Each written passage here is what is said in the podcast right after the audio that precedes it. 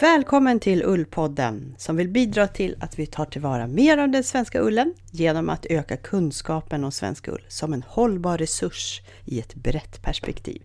I olika avsnitt kommer vi samtala med profiler inom bland annat får och ullbranschen. Vi lyfter goda exempel, diskuterar utmaningar och möjligheter.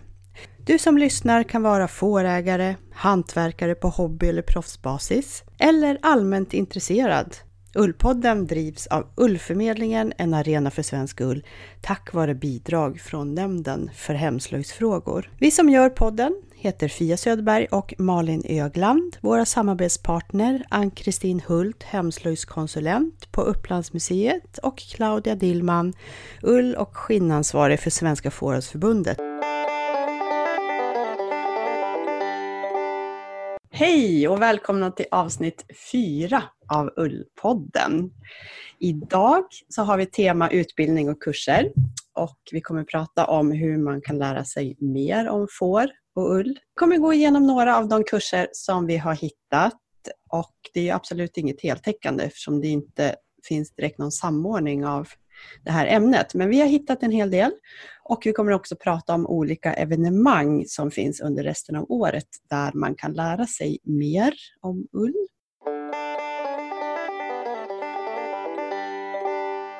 Men först så ska vi prata lite om vad som har hänt sen sist och vilken respons vi har fått från våra lyssnare.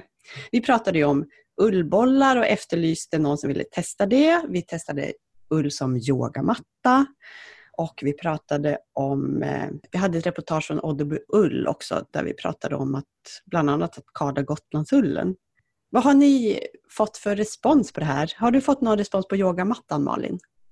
Framförallt så tycker jag att det är roligt just det här att det blir lite respons ifrån er lyssnare och, eh, och bara för att förtydliga det då så är det, finns ju då Ullpodden som en Facebookgrupp som man kan gå in och skriva där och ge respons eller ja, tycka till. Och, och då har det varit en, eh, någon person som har just eh, skrivit om det här med yogamattan och, och funderat lite grann på detta med att den att, att jag har prövat med nålfilt just då att man brukar ju köpa nålfilt och för att vidare bearbeta den och så är det ju, men, och, och, det har inte jag gjort just då med den här utan det, det är ju en, den hårt filtade tjocka nålfilten. Det är svårt att veta helt enkelt om hur, hur, hur den håller. Jag fortsätter att använda den och jag tycker fortsatt att den funkar men eh, jag tycker att det här är kul att vi, om det är flera som testar och att vi, att vi hör av oss och tipsar hur det funkar och inte funkar och så. Mm. För att det, det, vet jag ju att ullkontoret som jag köpte den här ullfilten ifrån, de var ju intresserade just utav detta. Mm. Så att eh, de har ju i sin tur kontakt med det företag som, mm. som filtar det här. Mm. Det är jättekul att få respons på Facebook-sidan och att det kan bli lite eh, input och dialog och diskussion. Det var ju bland annat en person också som kommenterade det här med, vi pratade ju ganska mycket om skräp och vegetabilier i ullen under betesperioden. Och eh, Amir då, som han heter, tyckte att det borde gå att det borde finnas metoder idag för att kunna reducera skräp i ullen. Och han hade också lite idéer om att eftersom ullen inte brinner så lätt så borde, det, borde man kunna ha någon metod som kanske bränner bort skräpet och så. Eh, han tycker också att det är konstigt att man inom industrin inte har hittat någon process som kan, som kan lösa det här problemet. Så det var också intressant. Har du hört något om ullbollarna, Ann-Kristin? Nej, ingenting. Nej. Det är fortfarande ett outforskat område tydligen för både lyssnare och för oss. Ja. Eh, ja, vi får jobba på det helt enkelt. Vi får eh, köpa oss en torktumlare kanske till och med. Nej, skämt åsido. Vi lyssnar på våra lyssnare och tar gärna emot eh, erfarenheter på den fronten. Absolut, hör av er om ni har testat det här med ullbollar. Mm. Torktumlaren var det ja, för att torka fortare och minska statisk elektricitet. Ja. Mm. Att man inte skulle behöva ha sköljmedel, ja just det. Nej, mm. Att det skulle bli mjukare. Ja. Jo, vi fick lite kommentarer på det här med, eh, vi sa att det var svårt att karda bara Gotlandsull, att man behövde blanda upp det med en annan typ av ull för att det skulle funka i i valsarna. Men nu fick vi ju veta att det finns tydligen karderier och spinnerier som, som klarar det. Ja, vi fick tips på ett eh, karderi eller spinneri, vet inte riktigt, på Orust. Mm. Som jag hoppas att jag ska kunna besöka i sommar. Mm. Och sen vet vi också att många spinnerier som man lämnar sin egen ull och får tillbaka garn, de kan ju spinna Gotlandsullen. Och då har de ju också kardat den innan förstås. Så att, mm. och det här beror säkert på vad man har för maskiner också, vilken maskinpark. Och det är väl det också att det blir väldigt mycket spill om man kardar ren eh, Gotland eftersom mycket av eh, ullen faller liksom igenom kardverken och, och så. Så att eh, det är väl ofta det som gör att det är svårspunnet och kanske garnet också blir eh, av en speciell kvalitet då. Mm. Så att eh, det där får vi fortsätta undersöka.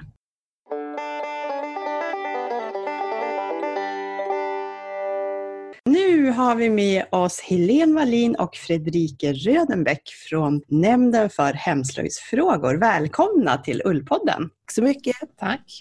Vill ni börja med att berätta för lyssnarna vad Nämnden för hemslöjdsfrågor är för något? Nämnden för hemslöjdsfrågor är en statlig myndighet. Vi finns under Kulturdepartementet och vårt uppdrag är att främja hemslöjd. Och eh, på vilket sätt gör ni det? Vi har vår arbetsplats hos eh, Tillväxtverket som är vår värdmyndighet. Så det innebär att vi har ett uppdrag kring näring inom slöjdsektorn. Då har vi drivit Eh, projektarbete där vi försöker påverka andra myndigheter till exempel. Som, eh, det kan vara beslut om småföretagande och sånt. Då driver vi liksom sådana frågor som ska gagna den här sektorn. Sen främjar vi genom att dela ut projektbidrag och det kan man söka en gång om året. Och sen samarbetar vi med och har i uppdrag att ordna konferenser för landets ungefär 60 hemslöjdskonsulenter Ja, det. det. är också vi som eh, delar ut det statliga bidrag som, eh, som är bestämt ska gå till Hemslöjdsfrämjandet och det är då verksamhetsbidrag och organisationsbidrag till eh, civilsamhället. Hur skulle ni definiera hemslöjd om ni fick göra det fritt? Vi styrs ju av en nämnd och den här nämnden har de senaste fem sex åren väldigt medvetet valt att, att, ha en fri och öppen tolkning av vad hemslöjd kan vara. Vi försöker vara så bejakande som möjligt. Man skulle kunna säga att när vi bedömer projektbidrag så kanske det mer handlar om eh, handgjort skapande med rötter i traditionen. Ja, vi tycker att området har allt att vinna på att inte försöka göra för snäva tolkningar. Mm. Upplever ni att intresset för hemslöjd ökar i dagens samhälle? Ja, det gör vi på olika sätt. Inte minst att det talas om hemslöjd och hantverk som aldrig förr. Och det där styrks ju då av eh, den årliga SOM-undersökningen. Så många människor som säger själva att de håller på med handarbete, hantverk, det bara ökar. Nu var, senast var det över 40 procent. Den vuxna befolkningen ja i landet som minst en gång per år håller på och slöjdar, hantverkar, handarbetar. Eh, och det, det är väldigt högt. Det är också väldigt intressant för att eh, det, den, i den mätningen kan man se att det är ingen större skillnad om man bor i stan eller på landet. En liten övervikt för de som bor i landsbygd eller glesbygd. Det är ingen eh, skillnad mellan hög och låg utbildade, ingen skillnad mellan hög och låginkomsttagare. Hur kommer ni bidra till att vi fortsätter att öka användningen av den svenska ullen? Har ni någon strategi där som ni kan berätta om? Det finns ingen strategi än, men vi vill jättegärna medverka till att ta fram en sån. Du kallar det för nationell agenda, Fredrike. Det är väl ett ja. bra ord ja. kanske? Vi skulle så gärna vilja bidra på något sätt. Vi kan ju inte göra det, men vi kan eh, stötta det och eh, se till att det händer.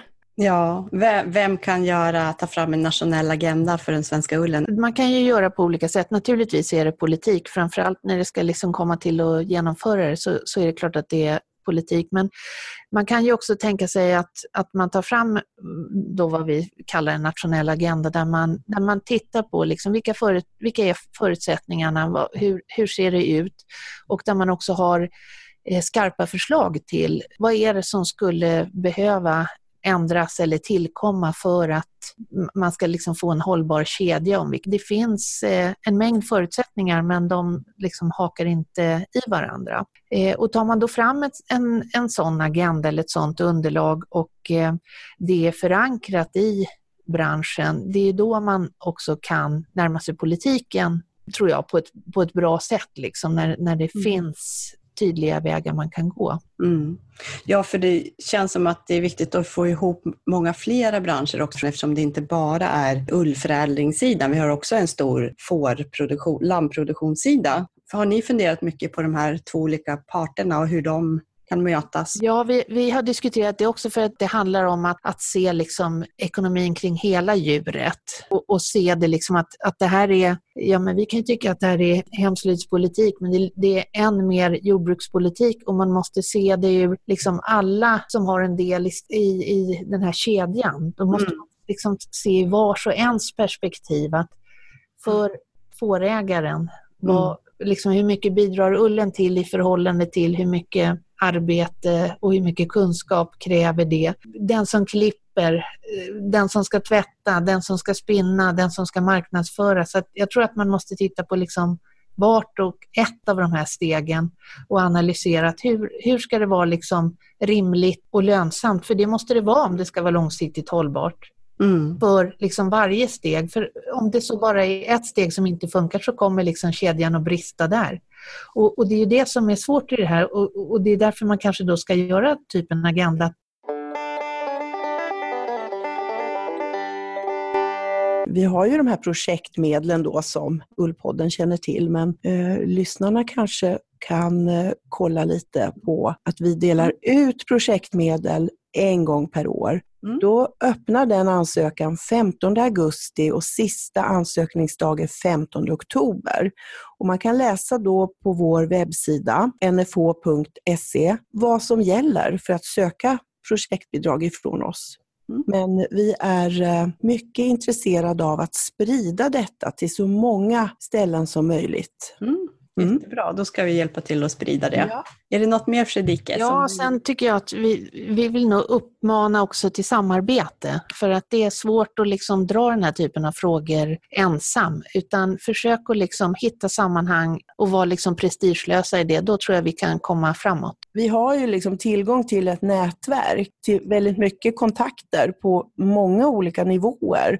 Så att det är ju liksom det som är vår roll på något vis. Om man kan tänka, vad kan man använda nämnden till? Jo, kan sätta folk i förbindelse med varandra. Och... Det kan ju också vara värdar för saker och ting. Jag menar, vi har både lokaler och det är naturligt för oss att vara värdar och vi kan bjuda in andra myndigheter, vi kan bjuda in eh, ja, på ett sätt som kanske är lättare för oss än att göra som en liten förening. Och vi är gärna liksom värdar ja. för möten också. Så vi kan ordna lite nationella konferenser ja, hos er kanske? Absolut. Och, och, då ska vi verkligen också dra nytta av det här att vi är placerade hos Tillväxtverket för det är inte av en slump utan det är ju för att man ser att det här är liksom näringspolitik och, och likväl som kulturpolitik. Vi pratar ju mycket med eh, Myndigheten för yrkeshögskolan också som kan vara liksom en relevant part. Är det liksom utbildningsdelar? Där, där kan man liksom peta in det här med smala yrken och så. Man kan tänka sig det här med ullsorterare och, och mm, ja. Mm. Intressant, för det finns ju ett enormt behov också av att rekrytera nya fårklippare till exempel. Mm. Ja. ja, det behövs ju yrken för att ta hand om den här ullen i den här kedjan. Ja, när man har blivit artikulerad i vad mm. det är som behövs, då, då skulle det vara helt naturligt för oss att mm. bjuda hit Yrkeshögskolemyndigheten och ha en diskussion om det. Mm. Vi ser fram emot allt vi har framför oss. Tack så hemskt mycket för att ni ville vara med i poddens avsnitt fyra. Tack för att vi fick vara med. Ja, precis. Tacket är på vår sida. Hej då! Hej då!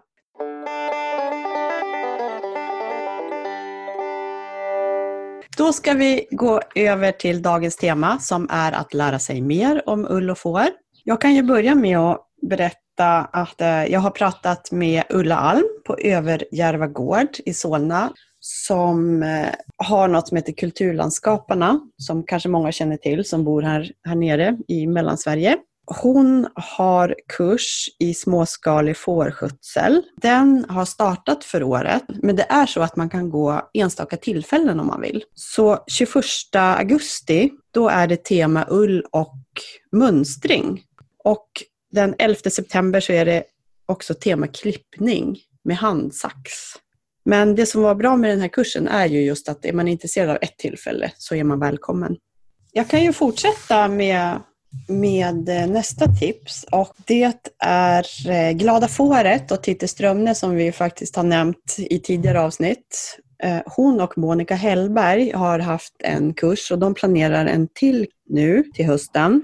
Fårkunskap för handspinnare och ullkunskap för fårägare i oktober-november. Datum är inte spikat än, men ni kan hålla utkik på Glada Fårets hemsida så, så kan man få, få mer information. Och det är ett samarbete som de har då, där de vill föra ihop båda perspektiven. Att man som fårägare kan möta då de som förädlar ullen och så lär man sig av varandra. Och sen så vill jag också tipsa om Fåravelsförbundets olika distrikt. Förbundet arrangerar ju inte själva kurser men det, inom distrikten så finns det en hel del utbildningsinsatser. Om du är eh, fårägare så sök gärna upp distriktet och kolla vad de, vad de har för kurser. Ett exempel på en sån kurs det är Västmanlands fåravelsförening som den 18 augusti har en dagkurs som heter Börja med får. Och, och den vänder sig till dig som precis har börjat med får, eller det är öppet för alla. Och det är en väldigt allsidig utbildningstillfälle. Och det arrangeras säkert många fler utbildningar runt om i landet, norr till söder. Vad har ni hittat för spännande kurser och tillfällen? Jag har tittat lite grann på eh, folkhögskolorna som har väldigt mycket olika typer av kurser. De har en hemsida, en gemensam hemsida för alla folkhögskolor i landet som heter folkhögskola.nu. Och där kan man alltså söka på olika ämnen väldigt brett. Och det här är ju eh, en skolform som eh, det känns som att den ökar och eh, de har många kurser är redan fullbelagda såg jag. Man betalar ju för kost och logi och de har eh, en eventuell terminsavgift och sen materialavgift förstås. Och eh, det här är ju då särskilda kurser som man kan eh, fokusera på ett intresse och utvecklas. Och många utav de här deltagarna vill ju arbeta inom kulturområdet och man kan välja på sommar eller helgkurser, man kan gå veckokurser och distanskurser och sen årslånga kurser på heltid då naturligtvis, eh, ett eller till och med flera år. Gå in och sök på till exempel ull eller spinna eller det fanns väldigt mycket olika. Eh, många som sagt fulltecknade nu inför sommaren men eh, man kan ju anmäla sig på någon distanskurs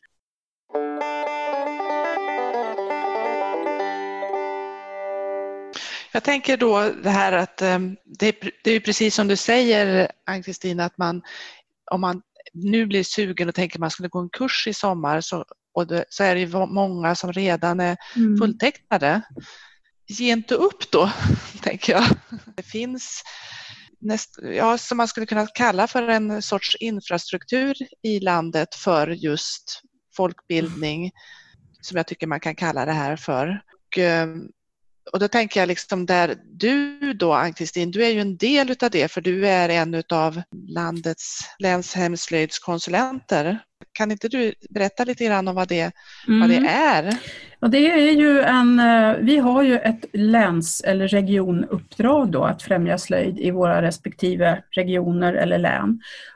Eh, en del av oss har titeln hemslöjdskonsulenter och andra är utvecklare eller olika strateger på olika sätt beroende på var man jobbar någonstans.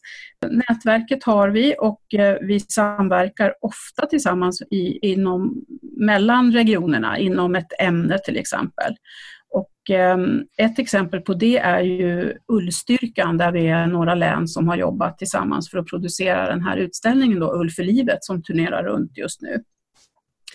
Och eh, i samband med den utställningen då på respektive plats så anordnas det ju kurser och workshops och föreläsningar och sådär på, på olika sätt på alla delar i landet. Och den eh, utställningen nu då kommer att visas i, eh, på Lycksele bibliotek till exempel mellan den sista juni och 8 juli. Sen kommer den att vandra vidare till Jämtland i juli. Och från och med, ja, under oktober i Västmanland och där åker den på turné till flera olika platser. Och sen från oktober till januari på Textilmuseet i Borås. Och där kommer det bli väldigt mycket aktiviteter runt ull och med kursverksamhet och sånt. Så håll lite utkik.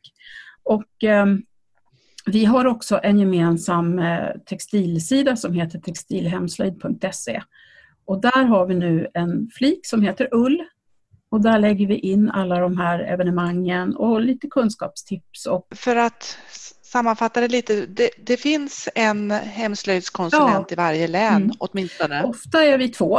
Eh, en som jobbar med hårdslöjd och en med textilslöjd. Det finns barn och ungdomskonsulenter också. Det ser lite olika ut i varje län, men vi har ju ett statligt uppdrag då att, att jobba för att främja slöjd på olika sätt tillsammans med organisationer, föreningar, hemslöjdsförbund och föreningar och sådär. Så vi försöker då vara lite spindeln i nätet över hela landet. Och med andra ord då, just det här med spindeln i nätet, om man är, eh, bor någonstans eh, och inte känner till några runt omkring sig så, så kanske man kan kontakta dig eller den eh, motsvarande i, i sitt län och få höra efter om, få lite tips. För ni har rätt bra koll vad som händer i länet och vilka föreningar som jobbar med vad och så. Och sen har vi ju också den ideella delen utav hemslöjden som eh, har en hemsida som heter hemslöjden.org där finns det väldigt mycket aktiviteter och kurser som görs eh, länsvis också. Så att eh, det finns många olika tips man kan få där. på och sen så finns det ju också i, i, i länen, jag tror i de flesta län, någonting som kallas för länsbildningskonsulenter. Jag tror att de också kan ha lite olika namn, men deras, eh, deras uppdrag då brukar vara då att, att samordna Eh, studieförbunden eller hålla kontakt med studieförbunden och eh, folkhögskolor och, och andra sådana. För, för att det, det, ska man inte glömma heller att studieförbunden eh, ordnar ju väldigt mycket och stöttar eh, föreningar och eh, med till exempel om man vill starta en studiecirkel eller sånt eh, och lära sig mera tillsammans så kan man få hjälp av studieförbunden. Och inte minst får man ju också nämna här då att alla kommuner har ju också ett folkbibliotek. Även om det inte finns på varje ort så finns det ju i mm. alla fall på något ställe i varje kommun. Och dit kan man ju också vända sig för att få hjälp eh, och, och, tips om till exempel om det finns någon föreningskonsulent i kommunen som, som samordnar föreningar.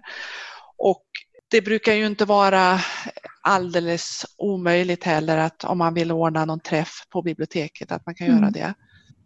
Och att man också kan lämna inköpsförslag. Då kan man önska att biblioteket köper in det. Man kan också hitta böcker som inte ges ut längre på bibliotek. Och söka i databaser förstås, och söka kunskap elektroniskt.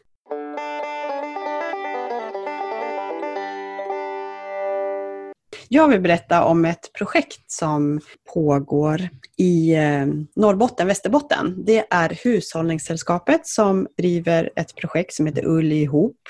Och det är ett samarbetsprojekt som har syfte att skapa nya jobb genom att öka användningen av lokal ull. Och eh, det riktar sig till företagare som jobbar med ull och de ordnar kanske inte kurser i, i den bemärkelsen som vi har pratat om hittills, men i det här arbetet och stimulera samarbete så kommer det kanske ändå kunna leda till vissa kurser eller andra kunskapshöjande aktiviteter och studiebesök och så. Är man minsta intresserad av det här projektet och bor i de här eh, länen så kan man söka upp Ullihops Facebookgrupp och läsa mer på Hushållningssällskapet Norrbotten Västerbotten.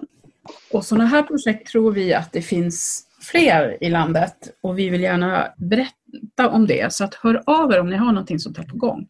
Så hör av er till oss mm. för att eh, vi vet att det är mycket som händer just nu på det här området. Ull ligger i tiden. Och inte bara i tiden utan också i konsten. Jo, jag var igår på en, eh, en utställning på Göteborgs konstmuseum med eh, en japansk konstnär, Shiharu Shiota. Hon är en sorts performancekonstnär som gör textila skulpturer kan man säga, eller egentligen är det, det står här i programbladet att hon gör poetiska nätkonstruktioner i ullgarn och där hon korsar då, knyter trådar från golv till tak. Det här var då ett, ett av verken som jag tittade på igår då. Det var liksom ett ett stort, stort rum fullt av röda trådar som var knutna från golv till tak. Ehm, och eh, det var lite stolar i mitten och det var liksom, det blev som gångar som man gick i emellan. Och eh, ja, det var väldigt, väldigt häftigt. Alltså det blev någon konstig eller en, en fin stämning när man gick där i de här liksom, liksom nästan arkaderna liksom in i, i, och så var det då bara ulltrådar å ena sidan liksom så väldigt liksom skört då och samtidigt så, så kompakt på något sätt. Väldigt, väldigt vackert var det. Sen hade hon en annan installation också som heter Where are we going?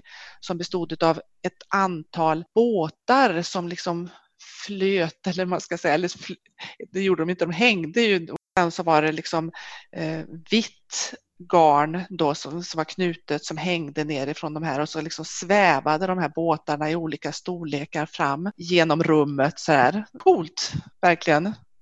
Man, blir inspirerad till att använda ull i inredning kanske när man ser det där. Ja precis, så jag tänker jag har liksom massa garn som jag när jag hade min eh, spinnperiod och försökte lära mig spinna och mm. massa halvmisslyckat, alltså ur garnsynpunkt misslyckat. Men jag tänker, åh, nu kan jag göra någonting annat här. Och jag, jag, vill bara tillägga då att eh, Göteborgs konstmuseum då ligger ju faktiskt på gångavstånd ifrån Liseberg till exempel. Utställningen kommer att vara då över hela sommaren fram till 30 september. Vi ska prata mer om lite fler evenemang som händer resten av året. Men innan vi går över till det så skulle jag också vilja nämna kurser på Sätergläntan. Jag hittade två sommarkurser och den ena lät ju väldigt intressant tycker jag, där det står att man studerar den svenska ullen och olika ulltyper och fåraser. Just det här att det, var, att det handlar om både får och ullsorter och ullkännedom, sortering och tvätt av ull och, och sen även att spinna, liksom hantverket spinna. Det tyckte jag lät väldigt intressant. Eh, och ett studiebesök i, i, hos Wåhlstedts också, i Dala-Floda ingick i kursen. Jag tror, jag tror dock att den är fulltecknad, men det kanske går att ställa sig på reservlista. Och sen hade de också en, en filtningskurs. Och det här var ju sommarkurser, det är en hel vecka, eller fem dagars. Så har man inte möjlighet att gå i sommar så kanske man kan planera något för nästa sommar. Jag kan flika in, eh, Filtmakeriet har ju också kurser. Det står inga, inga datum och så, men de, eh, man kan höra av sig och få förslag och önskemål. Mm. Kolla in ja. spinnerierna, för de kanske anordnar en del kurser. Och eh, det finns ju en lista på Ullförmedlingens webbplats på, på Sveriges spinnerier som, som finns idag. Så där hittar man länkar till, till de spinnerier som finns i dagsläget.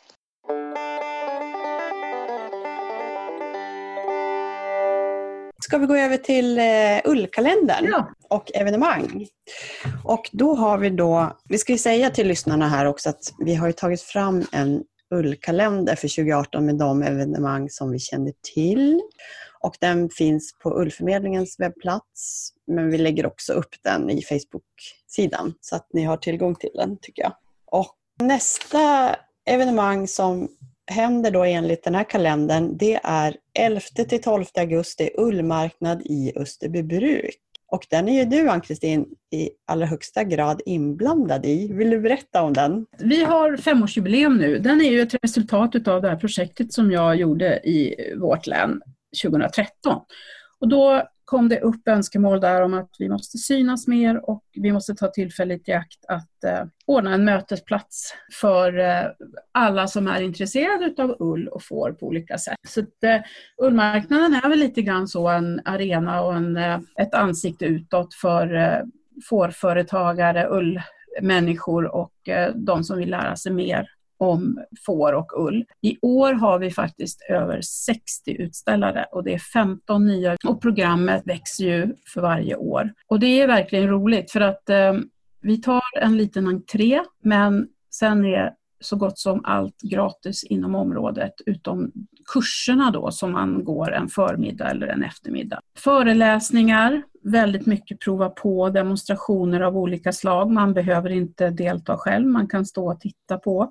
Vi kommer att visa fårklippning, växtfärgning, vi har fårvallning som en öppningsdel och eh, en mötesplats helt enkelt, utomhus, men alla utställare står under tak, i tält eller i en fin stalllänga som finns på Österbybruks herrgårdsområde. Och man kan prova på allt ifrån att eh, koka salva till att tova. Vi kommer att ha demonstration utav sån här stor rulltovning till exempel också. Så att eh, kom och lär och se, få kunskap, inspiration och lust för hela familjen kan vi väl säga också. För vi har ett speciellt mm. barntält, slöjdklubben, där man får prova mm. på olika tekniker också.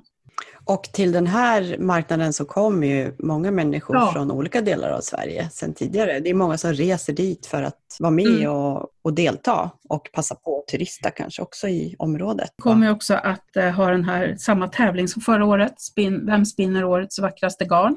Och nytt för i år är att vi kommer att utse årets Ulster. Vi vill ha in en uh, innovativ användbar ullprodukt som sen ska produceras i lite större skala och säljas. Och det finns det information om på vår hemsida. Det är dags att anmäla sig till eh, båda de tävlingarna nu. Okej, okay, så sitter du och suger på en produkt som du vill utveckla så passa på och försöka bli årets Ulster. Ja. Och vad vinner man om man blir årets Ulster förutom äran? Jo, man får direkt en order på 25 exemplar av den här produkten som då ska säljas på olika mm. ställen runt omkring. Eh, sen får man såklart ett diplom och en eh, liten överraskningspresent också. Okej, vad spännande. Och alla de här produkterna som vi får in då, de kommer att ställas ut under rullmarknaden. Okej. Så att eh, alla publiken kan se. Och publiken kan också vara med att rösta på det här vackraste garnet. Men det här mm. årets Ulster, ja. kan det vara vilken produkt som helst? Ja, det kan det vara. Eller det ska mm. helst vara vilken produkt. Det ska helst vara lite udda och annorlunda, ny. Det ska sticka ja. ut lite så. Men den ska mm. ha ett användningsområde eller? Ja, det tycker vi att den ska ha. Och eh, den ska kunna gå att producera då i stor skala och eh, presenteras snyggt så att den är säljbar helt enkelt. Det är det vi fokuserar på. Mm. Mm. Vi kan väl lägga ut en länk till det där också. Det gör vi. Ja. När det gäller ullmarknaden så ska vi inte glömma att säga ja. att då kommer ju vi vara där. Alltså vi, vi, tre här ifrån Ullpodden. Så då vill man eh, passa på att träffa oss också. Kanske kommer kunna spela in någonting därifrån. Ja. Vi får se. Sen om vi går vidare så har vi då ett evenemang på Skansen den 20 augusti under ull och lindagarna som heter Spinnrocka loss och det händer säkert jättemycket under den dagen. Och mer information så kan man då få på Stockholms läns museums hemsida. Och det finns länk också i den här kalendern som vi lägger ut. 25 augusti är det ullfestival på Bovens spinnhus. Den 15 till 16 september så är det ull och spinn-SM hos Vålstedts textilverkstad och Vålstedts lantbruk i Dala-Floda. Arrangörer för spinn-SM är den nystartade föreningen Ullvilja. Mer information kan man få om man går in och bli medlem i Facebookgruppen Ullvilja.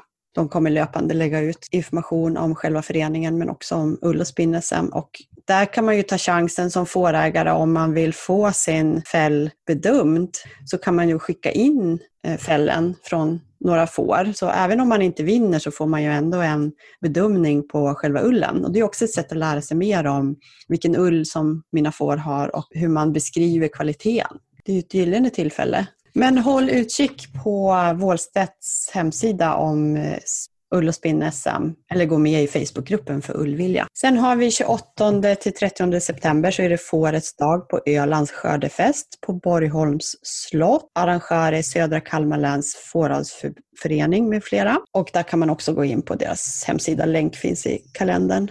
Sedan har vi 21 oktober så är det Blekinge fiberfestival, Sälleryd och arrangör där är Slöjd i Blekinge. Sen har vi Ulle Kubik. Ja, det är ju Halland mm. och det är på Öströ mm. fårfarm den 30 september mellan 11 och 4. Och där finns det också en hemsida, ullekubik.se.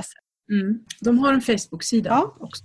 Och är det så att du sitter och känner till evenemang som sker resten av året som är ullrelaterat så skicka gärna ett meddelande till oss med plats och vem som arrangerar och vart man hittar mer information och vilken dag det är. Så lägger vi till det till den här ullkalendern.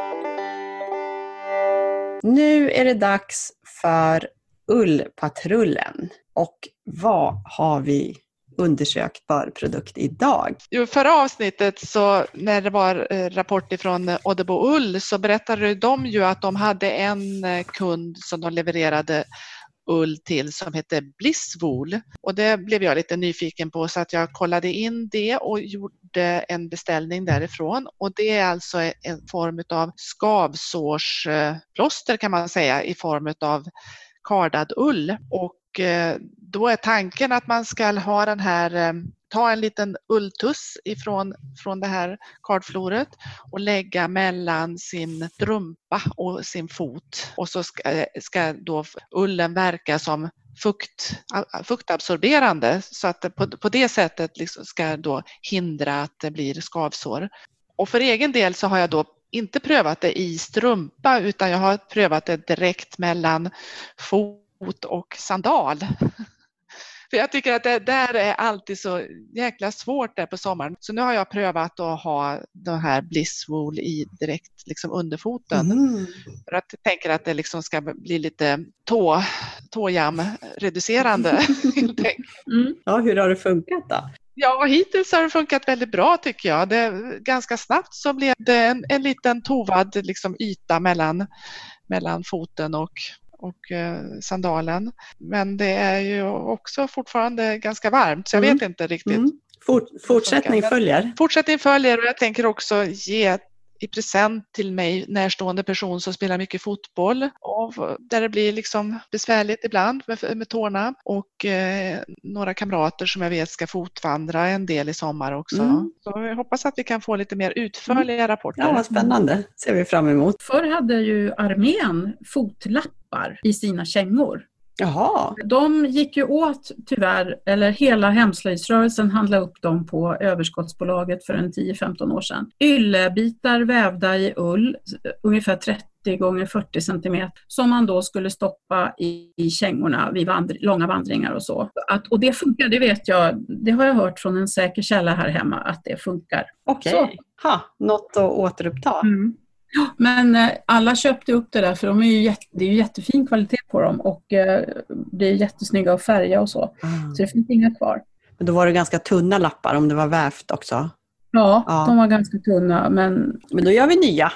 Det kanske är dags nu med försvaret och det här om kriget kommer. Har ni sett den här broschyren? Om krisen eller kriget kommer. I en brevlåda nära dig. Alla har nog fått den här. Och den ges ut av Myndigheten för samhällsskydd och beredskap. Man blir lite, eller jag blir lite rädd och trött när jag läser den här. Men det som gjorde mig glad var på sidan 11 så finns det olika tips för hemberedskap. Vilken mat du ska ha hemma, vatten, kommunikation, radio och så vidare. Men det var inte det som jag tyckte var intressantast utan det var under rubriken värme så står det att om elen försvinner under en kall årstid kommer bostaden snabbt att bli utkyld. Samlas i ett rum, häng filtar för fönstren, täck golvet med mattor Bygg en koja under ett bord för att hålla värmen. Tänk på brandfaran. Men sen finns det en lista då på saker som man ska ha hemma. Och överst på den här listan, vet ni vad det står? Jo, ullplagg. Så det är ju det här är ju ytterligare ett tecken på hur viktigt det är med ull och att ull räddar liv. Mm. Alltså på allvar. När Myndigheten för samhällsskydd och beredskap säger att man ska ha ullplagg, då måste vi ju bara lyssna på det.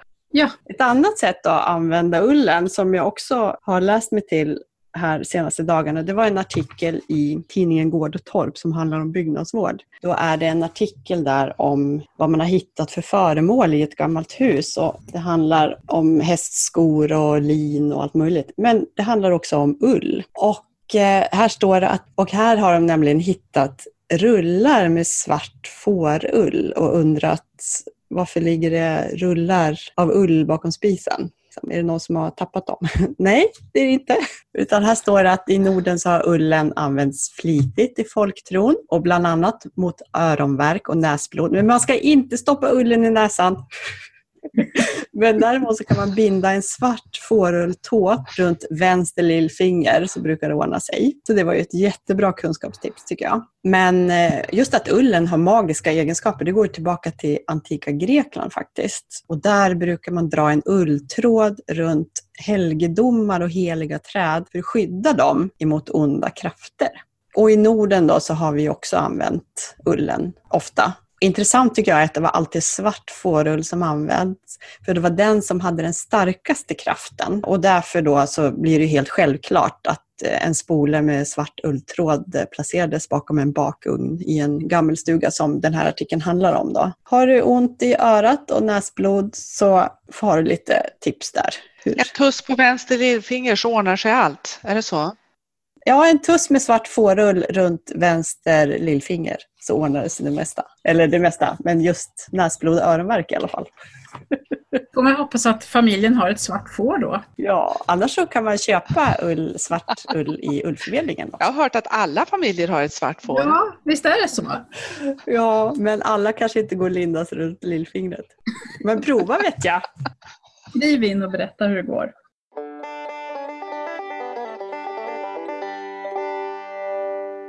Hela det här avsnittet har ju handlat om kunskap, men innan vi avslutar här, har ni något mer kunskapstips som ni vill skicka med till våra kära lyssnare? Jag ju kunna berätta hur mycket som helst om den här veckan just har jag tovat med väldigt många barn. Och eh, en pojke sa det här ska jag göra hela sommaren. Mm. Eh, det kan vara väldigt enkelt att tova tillsammans med barn, även små barn. Vi har faktiskt eh, använt den här metoden att eh, lägga små ulltussar i en eh, tesil ni vet och vispa runt i varmt vatten med lite såpa i. Och det kan ju väldigt många göra enkelt och även de små minsta barnen. Och sen rullar man den här lilla kulan i handen. Och eh, man blir väldigt stolt och glad när man ser ett resultat som det. Så att, ta tillfället i akt och tova tillsammans med barnen i sommar. Jättespännande och roligt. Då vill vi önska er lyssnare en underbar sommar och eh, håll utkik efter Ullpodden för det kan bli så att vi, vi sänder ett avsnitt i juli. Vi kommer satsa på ett ordinarie avsnitt i mitten på augusti efter ullmarknaden. Men eh, håll utkik i Facebook-sidan och för det kan komma något även under sommaren i juli. Men vi har inte riktigt bestämt det Fortsätt följa oss och sprid att Ullpodden finns och gillar du Ullpodden, gå jättegärna in och recensera den för att det tycker vi är väldigt intressant att få höra vad ni tycker. Ha det bra, vi ses! Ha det bra! Hej då! Avsnitten hittar du på www.ullformedlingen.se och du kan också följa vår Facebook-sida Ullpodden där vi publicerar länkar och bilder som anknyter till det som vi har pratat om. Ha det så bra, hej då!